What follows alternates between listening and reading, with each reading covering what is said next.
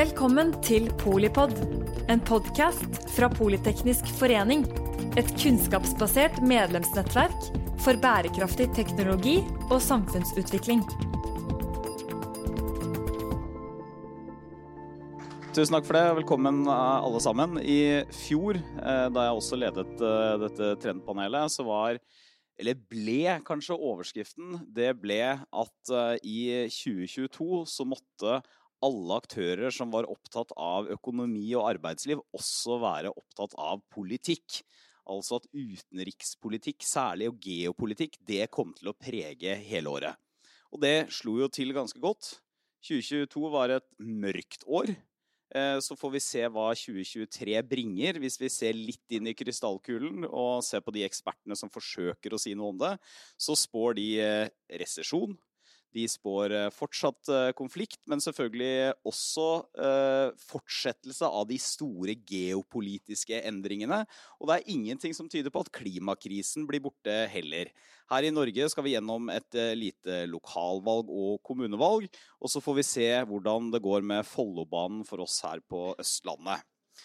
Men til å starte dette, så har vi vært så heldige å få med oss en av de ansvarlige, eller i hvert fall ansvarlige for å håndtere den trolig mest turbulente utenrikspolitiske situasjonen i Europa siden ja, Noen sier Berlinkrisen, andre sier andre verdenskrig. Utenriksminister Anniken Huitfeldt, vær så god. Eh, ordet er ditt først. Tusen takk. Det er jo som du sier, Torbjørn, at i fjor så var det jo på dette tidspunkt mange spådommer at vi kunne få en krig med store globale konsekvenser.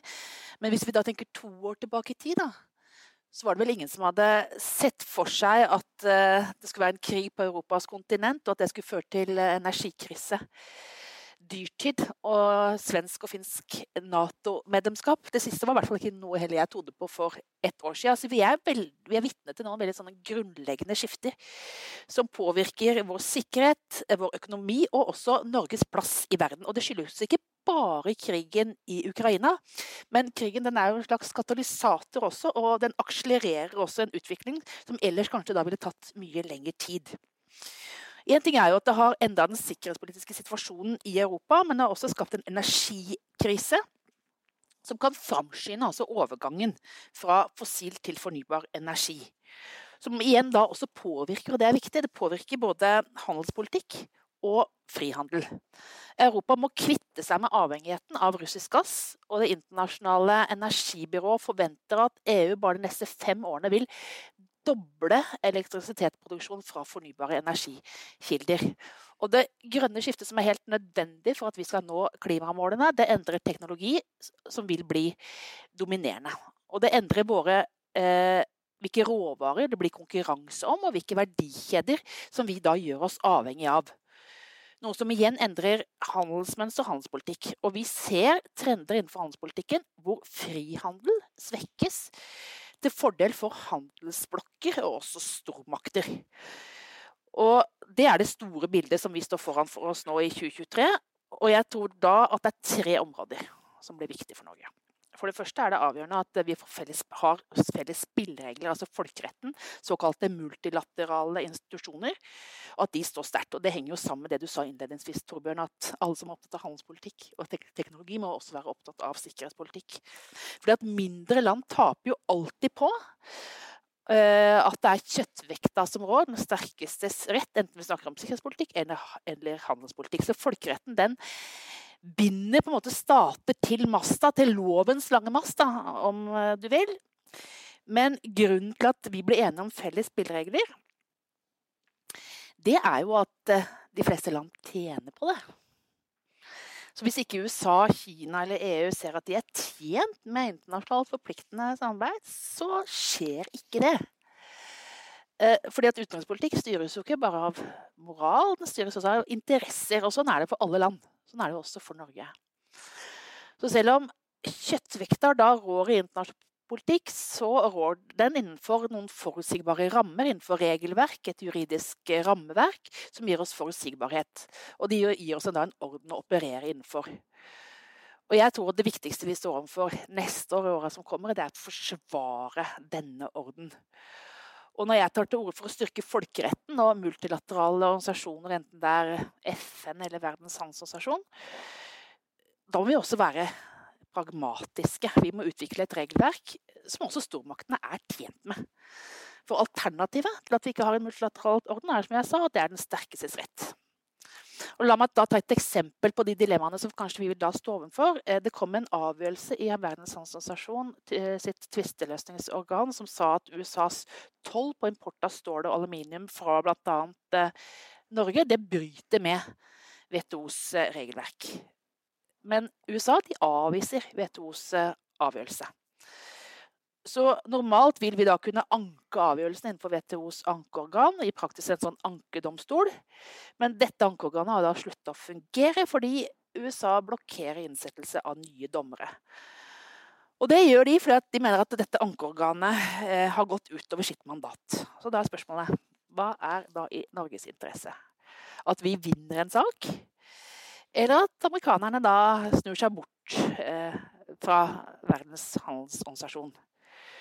Eh, eller skal vi utvikle et, da, et regelverk innenfor Verdens handelsorganisasjon som flere stater da ser seg tjent med? Selv om vi da kanskje ikke er enig med alle de felles reglene. Det er den type dilemmaer eller kompromisser som vi kommer til å bli møtt med i veldig mange sammenhenger i året åra som kommer. Når nye verdikjeder, nye avhengigheter og nye interesser gjør seg gjeldende gjennom det grønne skiftet. Og Det bringer meg over, over, på det som er det andre området som vi må ha fokus på. og Det er hvordan Norge bidrar til grønn omstilling. CO2-håndtering. Enten det er havvind, skipsfart, hydrogen, vannkraft, mineraler, batterier, prosessindustri og bioøkonomi. Det er, er felt hvor Norge har kunnskap, kompetanse, erfaring og ressurser. Og Da må vi bringe det som er vår erfaring, til torgs. Eh, men vi må også ha tilgang til de samme markedene som andre. Og Norge og EU har jo klare felles interesser på disse områdene. Men det blir jo knallhard konkurranse da, med Kina, India, USA, som eh, skal doble fornybarkapasiteten innen 2027. Og De står jo da for samla sett to tredjedeler av veksten i verdens eh, produksjonskapasitet for fornybar energi. Og Det berører vår forsyningssikkerhet, framtidas energiinfrastruktur eh, og industriutvikling. Og selv om da det grønne skiftet i utgangspunktet gjelder varer og tjenester som er da dekka av eksisterende handelspolitiske avtaler, så er det ikke gitt at vi får tilgang til markedene. Og vi ser jo mange trender i dag som går i retning av proteksjonisme og tollmurer. Til at verden da deles inn i handelsblokker, og at det legges da formelle og uformelle hindre i veien for frihandel. Ta f.eks. USA igjen. Eh, Inflation Reduction Act. Det er en eh, pakke pakke fra Biden-administrasjonen som er deres da, økonomiske og klimapolitiske flaggskip. Og det er jo veldig bra at USA satser i klimapolitikken. Men loven har også sterke økonomiske og handelsvridende virkemidler som knyttes eksplisitt opp mot produksjon i USA med bruk av nordamerikanske innsatsfaktorer. Og det stenger i praksis eh, europeiske varer ut av det amerikanske markedet og amerikanske verdikjeder. Samtidig så vil effekten av loven kunne bidra til eh, grønne investeringer i USA, men det kan da gå på bekostning av investeringer i Europa. Og denne kombinasjonen da, av subsidier og favorisering av innenlands produksjon i USA det bryter jo da fundamentalt med sånne frihandelsprinsipper som eh, vi alltid forsvarer. Så hva skal Europa svare på det? Økte subsidier i Europa diskuteres, men det er da foreløpig ikke konkretisert. Og von der Leyen har f.eks. For foreslått det som kalles europeisk suverenitetsfond. Men hva Norge gjør dersom eh, Men hva gjør Norge dersom EUs svar blir mer subsidier av sine egne næringer? Det er jo spørsmålet.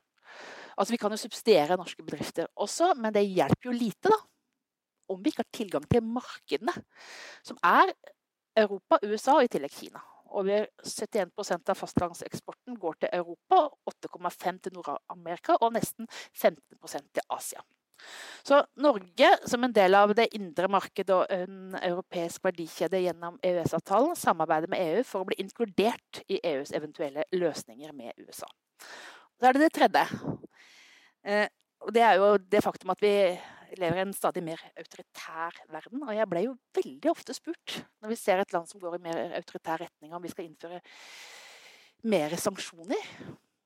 det vi gjør med Russland nå, det er jo knytta til eh, den folkerettsstridige invasjonen av Ukraina. Det er det som er begrunnelsen for våre sanksjoner. Det er ikke menneskerettigheter som er begrunnelsen for eh, sanksjonene. Det er på mange måter et unntak. Generelt sett så tror jeg jo ikke på isolasjonisme og eh, innføring av sanksjoner. Så som hovedregel så er jeg jo for dialog.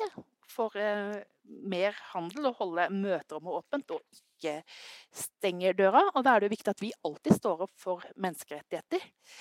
Eh, men mindre kontakt og mindre handel fører sjelden til bedre liv for de som er undertrykte. Og det kan være migrantarbeidere, kvinner, journalister eller homofile. Så det vi ser, er at vi blir mer opptatt av å ta vare på egen sikkerhet. Og bygge en sånn mur rundt det som bl.a. er kritisk infrastruktur, da, for å ha kontroll på den. Og det mener jeg er viktig. Men det vi skal gjøre når vi skal ta vare på enten det er verdikjeder eller kritisk infrastruktur, det er jo ikke å bruke dette som et vikarierende argument for generell proteksjonisme. For det er jo ikke vår interesse. Så vi må da, sammen med våre allierte, definere det som er kritisk infrastruktur, det som er sikkerhet. Og så er jo vi altså grunnleggende tilhengere av, eh, av uh, frihandel. Så jeg vil jo alltid ta opp menneskerettighetsspørsmål med de vi handler med, på ulike måter men generelt sett så er jo innføring av handelshindringer som regel ikke noe effektivt virkemiddel i kampen for menneskerettigheter. Så kort oppsummert, En hovedoppgave framover blir å ivareta Norges interesser i en verden eh, som gjennomgår et grønt skifte. Vår tids største omstilling av eh, økonomi og samfunn, og nøkkelspørsmålene blir hvordan vi sikrer at Norge får en plass i det nye strategiske viktige partnerskapet og alliansene som dannes i Europa, også globalt. Takk for at du lyttet til Polipod fra Politeknisk forening. Få med deg flere episoder, eller bli med på nettverksmøtene som du finner på at polyteknisk.